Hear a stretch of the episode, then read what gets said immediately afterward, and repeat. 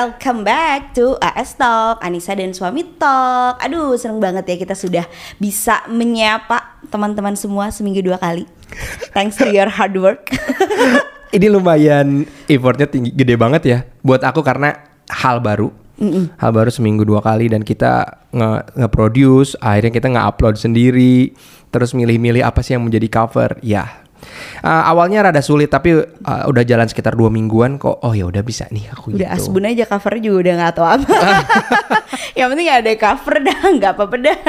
ya jadi di podcast ribet. Jadi di podcast ini kita biasa bicara tentang kehidupan kita pada umumnya ya garis besarnya mah adulting gitu ya parenting financial dan hal-hal yang berhubungan dengan kita semua ya aku dan kamu sih ya sebenarnya tapi hopefully bisa bermanfaat nah topik kita hari ini apa nih Kalau kamu udah baca nih, yang ngedengerin udah Oh baca iya, tuh. lupa terus, lupa terus.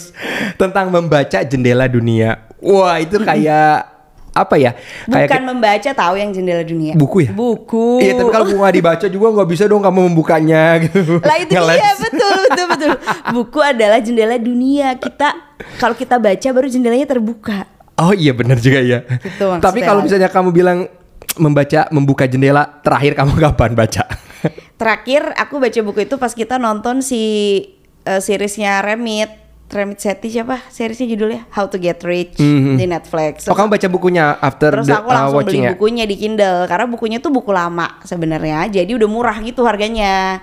Kayak berapa lah pokoknya udah di diskon gitu di Amazonnya. Aku beli lah tuh buku dengan harapan kayak oh seriesnya tuh inspiring banget. Aku mau baca bukunya. Terus pas aku baca bukunya nggak jauh beda masih series. Maksudnya ya udah di cover sama seriesnya doang. Jadi aku coba baca sampai bab 2 atau bab 3 gitu. Eh ini mah sama aja gitu. Jadi dia justru seriesnya itu adalah ya isi bukunya. Oh oke jadi sebenarnya dia mempraktikkan apa yang ada di buku. Iya, jadi kalau udah nonton series ya most likely kalau kamu bisa mengambil saripati pelajaran finansialnya itu yang ada di bukunya dan dia ternyata saat menulis kurang enak dibacanya. Oh jadi dia kan kalau misalnya dia di Netflix tuh Enak kan ngomongnya? karena dia kenapa dia presentable mungkin karena Netflix juga udah ada bagian yang review ya. Uh-uh. Kamu main ngomongnya di daerah sini bagian ini. Iya, betul. Dia set- setelannya juga dibuat apa ya selik ya. Iya. Jadi kalau kita ngelihat Rame itu remit yang simple, apa yang dia utarakan tentang keuangannya pun simple, to Hmm. the point gitu ya. Maksudnya align. Mungkin di buku ada di ada dalam pikirannya dia beda kali. Karena kan di seriesnya juga dia marah-marah ya. Dia marahin orang, dia tuh ngomongnya to the point gitu. Di bukunya juga sama, dia ngomongnya to the point. Tapi kalau di buku kayak aku nggak kayak gini, aku nggak perlu dimarahin untuk kali ini. kayak lebih personal kalau buku. Sementara dia ngomongnya ya gitulah pokoknya. Aku juga refleksi ini kayaknya cara bicara aku beberapa tahun lalu, 9 tahun lalu, 8 tahun lalu waktu masih blogging kayak dia. Marah-marah. Cuma kayak itu tidak nyaman loh dibaca sama orang yang sedang tidak perlu dimarahi. Angry Anissa gitu ya. Ah, ah, itu ah, my angry face gitu. Dan Hmm. si Remit juga sebenarnya nulis itu udah lama banget. Jadi mungkin dia juga lagi angry face dia. Itu kan buku lama ya. Dia Karena mungkin mau mengubah dunia, mengubah persepsi orang, dia harus marah mungkin ya di awal-awal betul. kayak gitu. Bisa jadi. Nah sebelum itu aku baca buku apa ya? Aku sebelum itu baca buku juga. Aku lumayan baca buku setelah aku menyadari bahwa membaca buku itu satu nggak perlu buku- buku fisik itu udah disadari dari lama banget lah ya sejak aku beli Kindle di 2017. Hmm. Tapi setelah beli Kindle aku juga menyadari bahwa baca buku nggak usah pakai Kindle. Maksudnya nggak usah pakai Kindle device-nya. Mm. Oh di handphone bisa kan? Karena Kindle di tuh bisa handphone diinstal. sekarang eh, karena bisa bisa di handphone dan bisa ngesing. Jadi kalau bengong aku tuh punya buku yang belum aku baca dan ya udah bisa dibaca aja. Jadi itu aku menemukan diriku lebih sering membaca setelah aku download Kindle di handphone. Ah, Dan itu ngesing sama Kindle aku. Hmm, hmm, hmm. Nah, jadi semua highlightnya segala macam ngesing. Hmm. Jadi kayak oh bukan perkara eh ap- benda yang dibacanya gitu, barang yang dibacanya apakah buku fisik apa Kindle, tapi kalau kamu niat ya di handphone aja juga bisa gitu. Ya oke. Jadi kalau misalnya memang ngomong-ngomong tentang membaca kan di Indonesia juga literasi kemampuan orang untuk membacanya itu kurang ya. Literasi itu kan kemampuan seseorang dalam mengolah dan memahami informasi saat melakukan proses membaca dan menulis. Ini aku hasil googling ya. Jadi bisa aja aku baca tapi nggak ngerti. Jadi literasinya kurang ya. Nah menurut program for International Student Assessment atau PISA yang diselenggarakan oleh OECD itu apa tuh nggak tahu. Iya. Indonesia menjadi 10 negara terendah. Kalau nggak salah udah ada bisa baru lagi deh dia tuh tiga tahun sekali apa berapa tahun sekali gitu. Tapi ya tetep lah masih rendah banget. Kenapa? Karena nggak bisa comprehend gitu loh. Baca tapi nggak ngerti itu tuh parah banget ya menurut aku ya. Ini nih bisa aku lihat dari sosial media. Sosial media tuh sebenarnya kan sekarang tuh orang tuh harus punya kemampuan membaca. Ada caption, ada misalnya di video pun suka ada tambahan informasi yang harus kita baca. Nah kadang-kadang orang tuh nggak ngerti. Jadi apa yang kontennya apa, captionnya apa, ngebalesnya apa? Itu kemarin tuh aku uh, reply di komen di videonya Felicia. Jadi dia bahas tentang utang negara. Ini literasi digital ya jatuhnya ya. Dia ngedenger aja tuh nggak bisa comprehend gitu dia ngomong apa. Karena komen-komennya nggak nyambung. Kayak aku sampai komen bahwa kenapa sih komennya kok kayak pada nggak ngerti sama isi videonya. Komennya tuh nggak nyambung sama apa yang disampaikan gitu. Aduh, berarti emang susah ya untuk bisa punya kemampuan literasi yang baik dan itu tuh harus dilatih sih menurut aku. Nah kalau misalnya ngeliat aku sendiri ya, aku kemampuan literasinya juga aku rendah. Tapi aku nggak Tahu dari mana? Uh, karena kalau misalnya ada konten gitu, aku tuh nggak bisa satu satu dua kali ngerti. Ah, ah, aku bisa telah lagi, Baca lagi. baca lagi. Udah dibaca beberapa kali, aku mau ngeluarin jempol aku tuh mau komen. Terus aku baca lagi, enggak deh kayaknya ini aku salah deh persepsi aku. Ah, Eh, ini konten tuh bukan tentang itu. Jadi memang uh, aku ngerasa bahwa oh iya literasi aku rendah. Kenapa aku bilang kayak gitu? Karena buat aku membaca pun bukan hal yang menyenangkan. Mungkin gak ada pengalaman yang bagus uh, untuk membaca waktu kecil. Mungkin nggak ada yang harus dibacanya. Karena nggak ada yang dibacanya bener. Buku yang aku punya juga waktu kecil kayaknya nggak ada deh. Kecuali buku pelajaran yang memang dikasih sama sekolah dan harus dikembaliin biasanya satu tahun sekali. Mungkin kalau kamu sekarang nggak relate, dulu tuh zaman-zaman uh, di sekolah SD Inpres, Inpres tuh instruksi presiden, pemerintah tuh ngasih bantuan buku. Nah buku itu dikasih ke setiap sekolah Ada nanti capnya. ada capnya dan kita kembaliin ya. Karena dulu tuh eh, kurikulum gak banyak berubah, Eh, sekitar 8 atau 10 tahun. Kurikulum 94 Kurikulum. pokoknya kita. nah, nah dari situ eh, buku itu aja sih yang aku punya. Buku bacaan ya paling buku pelajaran. Buku pelajaran yang pernah aku baca full gitu ya, itu buku sejarah. Karena menarik buat aku waktu itu, sejarah perang-perangan lah ya. Karena jiwa perangnya tuh kayak anak kecil tuh ciat-ciat gitu. Pas aku baca kelas 4, kelas 5 aku lupa, ya itu menyenangkan. Di situ aja sih. Eh, sempat kenal buku aku pas SMP karena perpustakaannya bagus tuh. Jadi by the way aku tuh di SMP 12 Bandung dulu perpustakaannya bagus kalau dibandingin sama SD karena SD aku gak ada perpustakaannya. Jadi aku suka baca di situ. Yang aku suka banget tuh tentang pengetahuan pengetahuan alam. RPUL tuh aku seneng. Ah, tentang peta, Facts gitu ya. facts ya bener. peta-peta peta dunia kan ada tuh peta yang gede banget tuh perpustakaannya buka eh, punya gitu.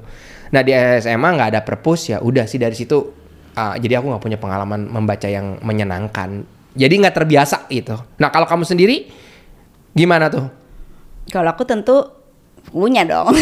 Kalau- orang kaya. Or- Kalau dibandingin sama kamu. kalau misalnya langsung nanya deh kamu tuh buku favoritnya pasti Harry Potter dong. Sebenarnya itu Harry Potter tuh kan gini, kenapa setelah aku resapi ya, kenapa aku selalu menjawab Harry Potter adalah buku favorit aku? Bayangin, Harry Potter itu muncul selama aku sekolah. Jadi kayak umurnya tuh seumuran gitu ya. Iya, jadi selama aku sekolah, dia kan terbit satu tahun satu kali ya. Kayaknya pertama kali aku baca bukunya tuh kayak kelas 5 gitu, apa kelas 6. Pokoknya tuh pas aku baca Harry Potter pertama kali, dia udah muncul sampai Harry Potter 2 apa Harry Potter 3 gitu. Jadi aku nggak baca dari dia muncul pertama kali. Harry Potter 2 kayaknya. Jadi aku baca pertama itu, nah ini the difference aja udah ini ya. Kenapa eh, privilege itu sangat berpengaruh sama hidup kita. Ayahku dan ibu aku tuh suka banget baca Sampai kita tuh langganan koran dan majalah tuh banyak banget di rumah pada zaman itu Jadi koran aja tuh nggak cuman langganan pikiran rakyat seperti umumnya rakyat Jawa Barat ya Enggak, aku enggak enggak, enggak ada langganan tuh. belum ada tribun belum ada tribun Jabar belum Oh, ada iya. jadi dulu tuh aku langganan pikiran rakyat dan Kompas ada dua koran Oh, di jadi rumah. koran nasional sama lokal ya? Iya, aku langganan majalah Bobo dari sejak aku ingat, kayak dari umur 3 tahunan. Sudah langganan majalah Bobo. Abis itu ibu aku tuh langganan majalah Kartini dan tabloid Nova. Wah, banyak banget ya. That explains a lot kenapa ibu aku bisa financial planning. Hmm. Ya kan, ibu aku tuh ngerti banget financial planning. Zaman dulu tuh Safir Senduk kalau nggak salah di majalah Kartini tuh dia punya satu kolom financial planning. Jadi kayak pembaca mengirimkan masalah finansial lalu dijawab.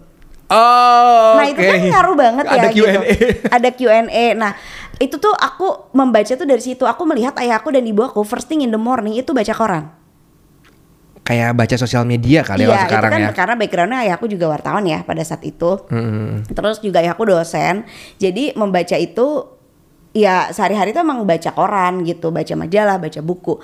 Pas aku SMP itu aku udah bisa uang jajan aku, aku beli majalah, eh aku beli tablet fantasi dong tentu saja. Dengan kondisi di rumah udah ada majalah bobo juga. Hmm. Ini cuman ini ya yang aku baca aja ya. Nah habis itu eh, aku juga pas SMA itu aku udah beli majalah-majalah fashion. Karena aku anaknya fashion. Hmm. Nah akhirnya sama ibu aku pas aku SMA itu langganan majalah gadis. Biar kayak, udah nggak usah beli sendiri, langganan aja tiap dianterin ke rumah kan. Jadi aku selama SMA tuh langganan majalah gadis. Jadi kamu tuh punya bacaan, bahan bacaan banyak ya? Lengkap gitu kan. Pas kuliah aku langganan Go Girl. Aku berhentiin gadisnya terus aku langganan Go Girl. Nah terus kalau ke beli buku aku tuh nggak ada kalau aku tuh suka iri waktu itu sama anak-anak lain. Memang manusia tidak ada puasnya ya guys ya. Jadi ada teman-teman aku ya. Nggak teman-teman aku sih teman-temannya ayah aku anak-anaknya teman ayah aku yang sama-sama dosen. Itu tuh yang punya rutinitas sebulan sekali ke Gramedia Merdeka. Jadi sebulan sekali mereka boleh beli buku Nah, ayah aku tuh nggak pernah ngerutinin gitu, tapi kita sering sih sebenarnya kalau aku pikirin sekarang ya. Sering ke Gramedia terus aku boleh beli buku satu, gitu. tapi aku nggak boleh beli komik sama ibu aku. Jadinya aku komik tuh minjem ke teman sekolah. Jadinya aku dibelinya macam novel-novel gitu. Princess Diaries tuh aku dulu lengkap banget, semua seri aku punya. Dan aku akhirnya aku kasih kasihin ke orang, cuman aku simpen beberapa doang. Terus lima sekawan itu aku baca di rumah nenek aku. Karena tante aku tuh punya lengkap banget. Lima sekawan trio detektif. Jadi aku tuh punya bacaan buku tuh banyak banget dari mana-mana. Sehingga aku waktu kecil tidak ada hiburanku selain membaca. Mana aku nggak boleh nonton kan sama ibu aku. Nggak nonton, nggak ada internet waktu itu ya. Iya. Memang membaca adalah ca- cara ninja kamu untuk mengisi waktu ya. kenapa kita nggak tega ya sekarang sama si bebe ya? Nggak boleh nonton ya? Dulu ibu aku tega-tega aja lah aku nggak boleh nonton. Ya tapi kan sebenarnya kalau misalnya dibandingin zaman dulu, kamu nontonnya apa? Jin dan Jun? Kalau mau nontonnya kabar-kabari, cek Iya and recheck. Kalau sekarang kan banyak pilihannya, internetnya ada. Kita bahkan bisa pilihin silo, kamu nontonnya yang A. Kan dia banyak tahu eh, tentang term bahasa Inggris, Hmm. dia tahu tentang ilmu-ilmu tentang apa ya, astronomi ya, eh apa? Ya astronomi. Kan dari YouTube juga kan sebenarnya. bener sih. Kayaknya ibu aku nggak ngasih aku nonton karena kayak ini anak mau dikasih nonton apa gitu ya. Tuyul dan Mbak Yul gitu kan. Tapi pas bisa. aku tuh nggak nonton loh kayak gitu-gitu. Kayak aku cuma tahu-tahu doang kayak pernah nonton satu episode mungkin pas ibu aku lagi lemah gitu ya. Tapi tuh nggak tahu lagi. Nggak nggak punya memori tontonan masa kecil tuh nggak punya gitu. Bahkan di weekend pun ya yang seharian film anak-anak aku nggak boleh nonton kalau belum mandi dan belum makan it was so hard. Jadi kayak ya udah mendingan baca buku aja gitu. Tapi memang bacaannya disediakan dan banyak ya. Sehingga ketika ditanya hobi aku apa aku tuh otomatis bilang membaca karena emang nggak ada hal lain yang aku lakukan setiap hari selain membaca. Gitu.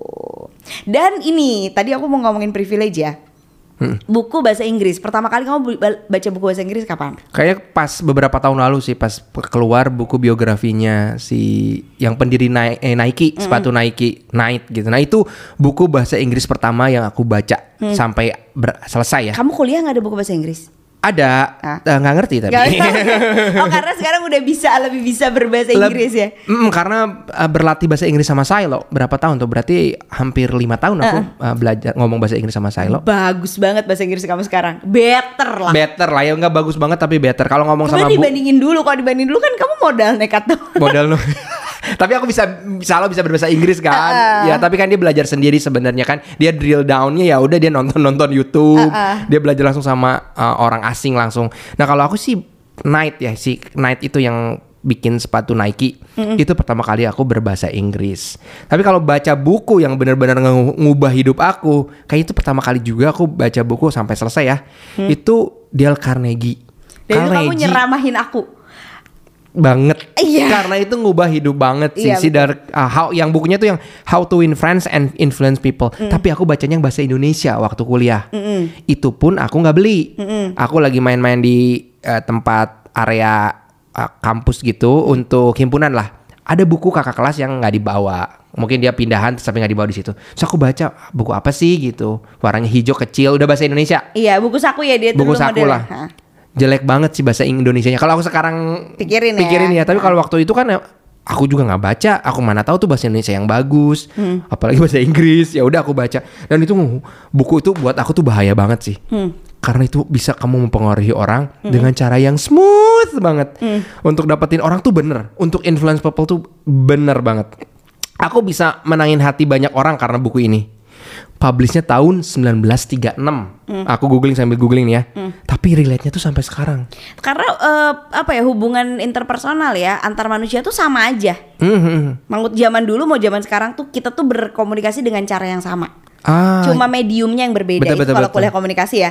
Caranya sama, human to human, tapi mediumnya apa? Apakah nanti lewat sosial media kalau ya, sekarang ya? lewat telepon atau langsung? atau video call gitu. Karena yang diajarin itu ya eh, basic atau core-nya menurut aku. Tapi dia nggak ngejelasin, nggak ngejelasin secara teori.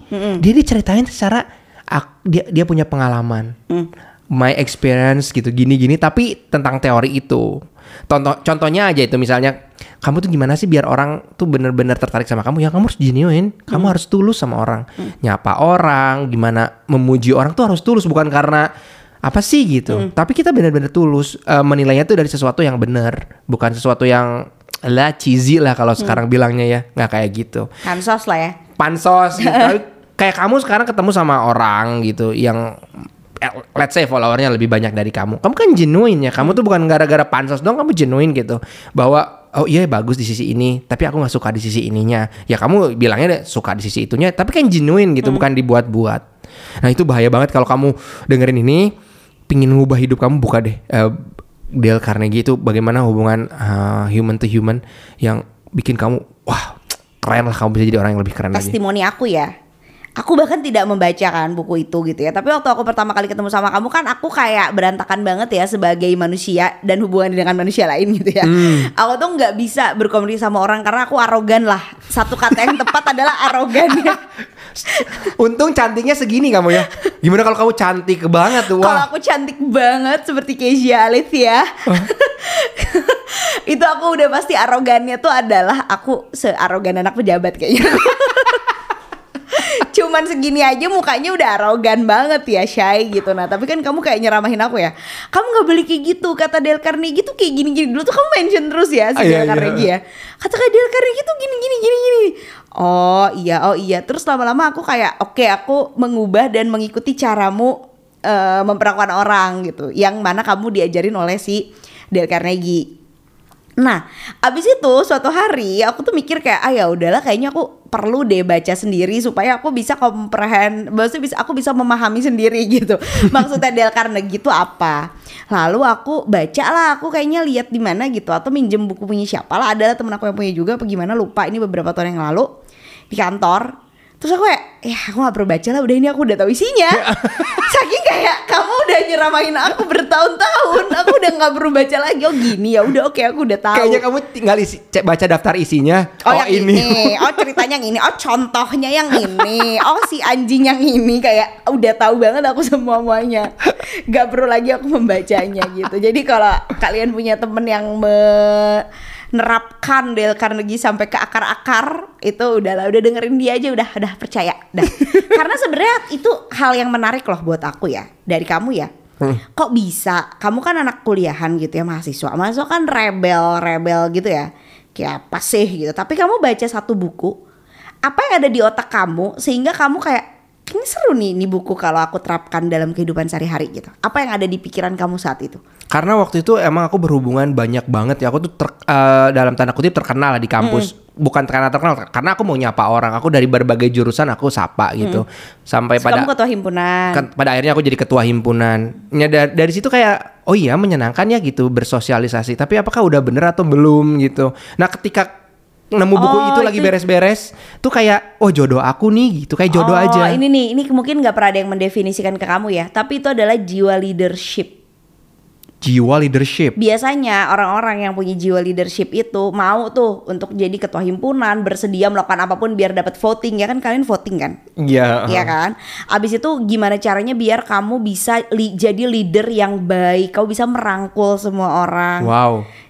Nggak pernah ada yang mendefinisikan Nggak pernah, ini kan pernah. Yang mendefinisikannya adalah bahwa ya kamu mau aja udah. Kayak kamu berambisi menjadi apa pemimpin gitu. Ya itu, itu, kan doang itu sih. kan ya itu kan nggak semua orang loh bersedia untuk jadi leader dan do their, their best gitu Benar juga sih kalau dipikir-pikir ya capek juga ya. Karena males kan ngapain tuh voluntary kan? Ya tapi emang muncul di CV terus sih dan ketua himpunan kampus tuh kan keren ya. Maksudnya bukan kayak ya ketua OSIS SMA aja udah main keren lah gitu. Tapi kalau ketua himpunan di kampus tuh udah kayak kamu tuh orang nomor satu seangkatan gitu kan Nah, ceritanya. ya to the next level lah ya. I see. Nah, tapi nya gara-gara aku waktu kecil senang membaca, aku juga ngelihat nih si Bebe, aku takut banget ya. Silo seperti orang-orang lain yang nggak ngerti bacaan gitu. Kayak baca tapi ini anak ngerti nggak sih? Nah itu untungnya aku punya followers ya. Ketika aku cerita tentang Selo belajar membaca Ada yang pernah bilang gini followers aku Kak aku waktu SD Pokoknya udah SD gede gitu lah SD kelas 5 kelas 6 Pulang sekolah kalau mau main sama teman Kan main sama anak tetangga tuh.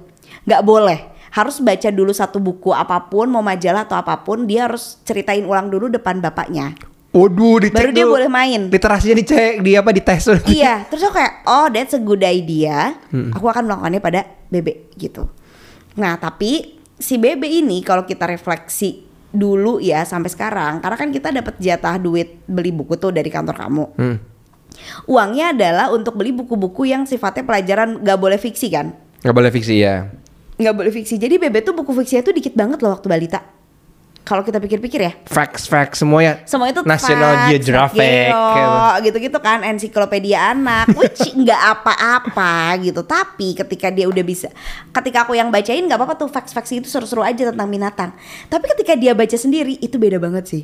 Ketika dia baca sendiri dia perlu baca fiksi. Aku baru menyadari ini setelah bisa baca ya. Hmm.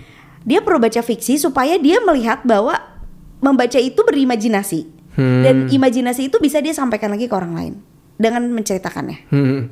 Makanya pas dia udah umur 5 tahun apa 6 tahun ya, aku langganin lah si Epic. Epic. Ah, jadi Epic ini adalah aplikasi, aku langganin di iPad dia. Kalau nggak di aplikasi juga bisa di website namanya getepic.com.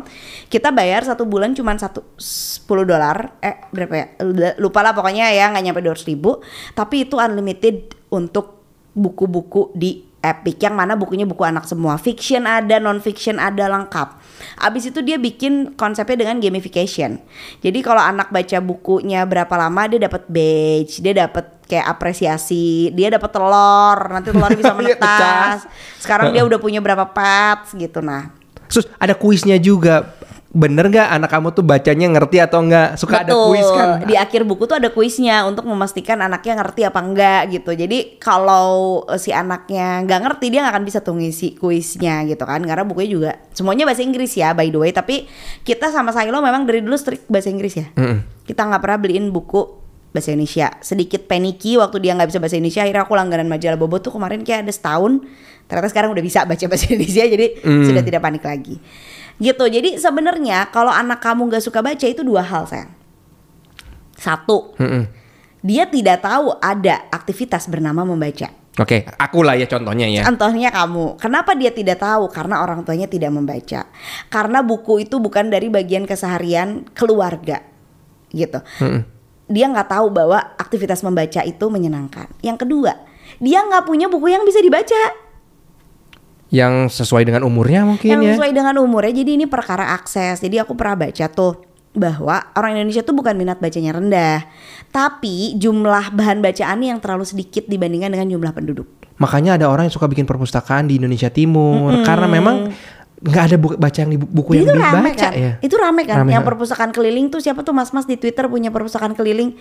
Dia buka eh, nyebar bukunya gitu kayak kaki lima pakai mobil terus disebar bukunya anak boleh baca di situ dan itu kan anak pada baca di situ karena ya ada yang harus dibacanya Hmm. Ada yang gitu. baca, ya maksudnya ada yang baca. Berarti ada orang anak yang memang tertarik untuk membaca ya. Iya, Ya karena ada cuman bacaannya. Aksesnya Iya yang nggak ada gitu. Nah itu yang sebenarnya harus kita pikirin sebagai orang tua gimana caranya kita ngasih akses membaca sama anak. Dan aku tahu buku ini mahal. Hmm. Opsinya tuh banyak. Satu beli buku bekas. Buku bekas tuh banyak banget yang jual sekarang. Iya dan murah banget sih. Dan- dan aku lihat di. Shopee, uh, Ha. di aku kan juga punya akun second account yang buku-buku bekas gitu aku suka lihat banyak banget yang jual sih. Banyak banget jual pre-love dari orang. Eh, cari di thrifting Hmm. gitu ya. Atau paling gampang digital aja udah langganan Epic kamu cuman modal iPad doang. Tapi dia punya gitu. Dan dulu Ya iPad atau tab lah ya. Mm, at tab least. ya tab apa pun dan bi- ditarget aja sehari 30 menit gitu. Hmm. Dulu saya lo gitu waktu sekolahnya belum full time ya, waktu sekolahnya masih pandemi. Sekarang dia udah nggak ada waktu lagi untuk eh, baca apa namanya? baca epic dan akhirnya aku unsubscribe tuh si Epic karena dia udah nggak baca lagi dan sekarang akhirnya kita beliin buku-buku fisik aja yang bisa ditaruh di mobil bisa dibawa-bawa ya mungkin tidak 30 menit sehari tapi kalau dia bengong dia ada opsi untuk baca buku gitu makanya ada di mobil ada di rumah ada di mana-mana gitu karena ya itu ngaruh banget sama gimana dia bisa kritis Iya iya. Apalagi aku seneng kalau dia udah baca buku terus dia ketawa-ketawa sendiri. Oh ya ngerti berarti. Kadang karena aku sendiri kemampuan bahasa Inggrisnya kan kurang bagus. Aku suka nanya sama saya lo, ngerti nggak sih kamu bacaannya? kamu tidur aku bilang "Be- sayang kamu temenin Azia lo baca syare gimana ya kayak kayaknya kamu nggak ngerti bacanya lalu kamu mengantuk sendiri gitu kan kamu tidur Kan jadi ngerti nggak sih? Ya ngerti lah kata dia. Oke, terus nonton YouTube bahasa Inggris. Ngerti sih? Ya ngerti gitu. Berarti aku yang nggak ngerti. iya berarti kamu yang nggak ngerti Eh, dan saya juga nggak langsung baca Harry Potter ya Hmm. Eh, dia tidak awalnya tuh di Epic tuh banyakannya tuh tetap baca komik juga Ya kok komik-komik yang alien-alien yang dia sukain itu. Iya dan cat itu cat ninja. Cat ninja tuh ya ampun bener-bener eh, topik favorit saya lo banget deh. Dia suka banget ninja, dia suka banget kucing. Terus tiba-tiba ada series cat ninja kayak wow, this is my favorite. Nah tapi aku nggak ngelarang kenapa? Aku ngerti kenapa ibu aku ngelarang aku baca komik waktu kecil. Karena komik itu teksnya sedikit. Sementara aku baca di mobil. Jadi kayak pulang beli buku aku baca di mobil sampai rumah aku nggak punya bacaan lagi dan aku mengeluh lagi ke ibu Habis aku ya? aku nggak punya bacaan gitu kan jadi Iya, iya. ibu aku melarang aku baca komik biar awet gitu bacanya tapi kalau BB karena kita punya unlimited akses ke perpustakaan yang komiknya banyak nggak apa-apa dibaca komik emang kenapa kalau dibaca komik membaca komik kan membaca juga gitu Dia juga kalau di perpustakaan, jadi ada hari perpustakaan, harus setiap hari Selasa. Dia suka minjem buku juga kan. Ya seringnya ada komik juga, ada juga tentang fakta-fakta ya tentang binatang-binatang sih dia sukanya itu ya. Iya, pasti kayak gitu-gitu aja kan dan nggak apa-apa gitu membaca itu nggak mesti buku non fiksi gitu. Hmm. nggak mesti buku pelajaran nggak mesti buku-buku yang berat-berat gitu atau enggak kalau orang dewasa tuh self motivate apa self development book sebenarnya kan nggak mesti juga ya. Boleh aja kalau kamu mau baca novel boleh aja. Kalau kamu mau baca uh, fiction atau boleh aja. Kamu mau baca komik anak-anak nggak ada yang melarang. Yang penting membaca karena baca komik juga udah perlu ngerti atuh. Hmm, bener-bener ceritanya. gitu. Udah baru umur berapa ya? Kelas 1 SD aja tuh Silo aku bacain Harry Potter tuh nggak mau baca sendiri kan maunya dibacain sama aku. Hmm. satu buku aku bacain satu bulan. Serak suara aku ya. Tapi aku mau dia suka dan aku mau dia tahu bahwa ada konsep buku namanya novel ya. Ada konsep buku yang tidak ada gambarnya tapi tetap seru karena kamu membayangkannya. Itu Harry Potter 1 Harry Potter 2 tuh dia udah kayak sebagian dibacain aku sebagian baca sendiri Harry Potter 3 udah dimarahin tuh aku udah ibu diem aja nggak usah baca. Kayak, Lama. lama abis itu pronunciationnya salah-salah gitu kan kayak alright. Nah sekarang dia udah di Harry Potter 4 dia udah baca sendiri tapi minta ditemenin karena kan scary ya Harry Potter 4 itu ternyata nakutin banget lah pokoknya. Kayak b- eh, eh, gak cocok buat anak-anak menurut aku tapi ya pada akhirnya dia sudah bisa membaca dan dia paham. Gitu. Jadi nggak bisa nih kamu ngeluh-ngeluh anak aku kenapa ya nggak suka membaca ya? Kamunya. Kamu juga suka harus baca. apa enggak? Dan itu bisa dilatih ya. Kalau dari aku kayaknya kayak ya kamu kan enak dari kecil membaca tapi kalau kamu kan enggak ya. Kamu dari kecil tidak membaca tapi kamu ada effortnya gitu untuk baca yuk mulai baca buku bahasa Inggris yuk ngerti nggak ngerti ya ya apa gitu. Tapi menurut aku ya kalau kalian sekarang buat kamu nih yang mau memperlihatkan ke anak juga membaca download Kindle aja di handphone Iya bukunya beli di Amazon Tapi di Amazon itu banyak banget diskon buku-buku Dan kelebihannya apa? Kamu melatih bahasa Inggris kamu Plus kalau ada kata yang kamu nggak ngerti Itu ada dictionary-nya Tinggal diklik aja kan. Ya tinggal diklik aja kamu langsung muncul artinya Itu menurut aku self improvement paling gampang Dari membaca buku Dah Oke, itu aja dari kita. Jangan lupa dikerjain. Jangan lupa jangan cuma didengerin. Kalau cuma didengerin doang Tidak akan ke mana-mana. Dah Oke, kalau gitu aku JG. Aku ST Bye. Bye.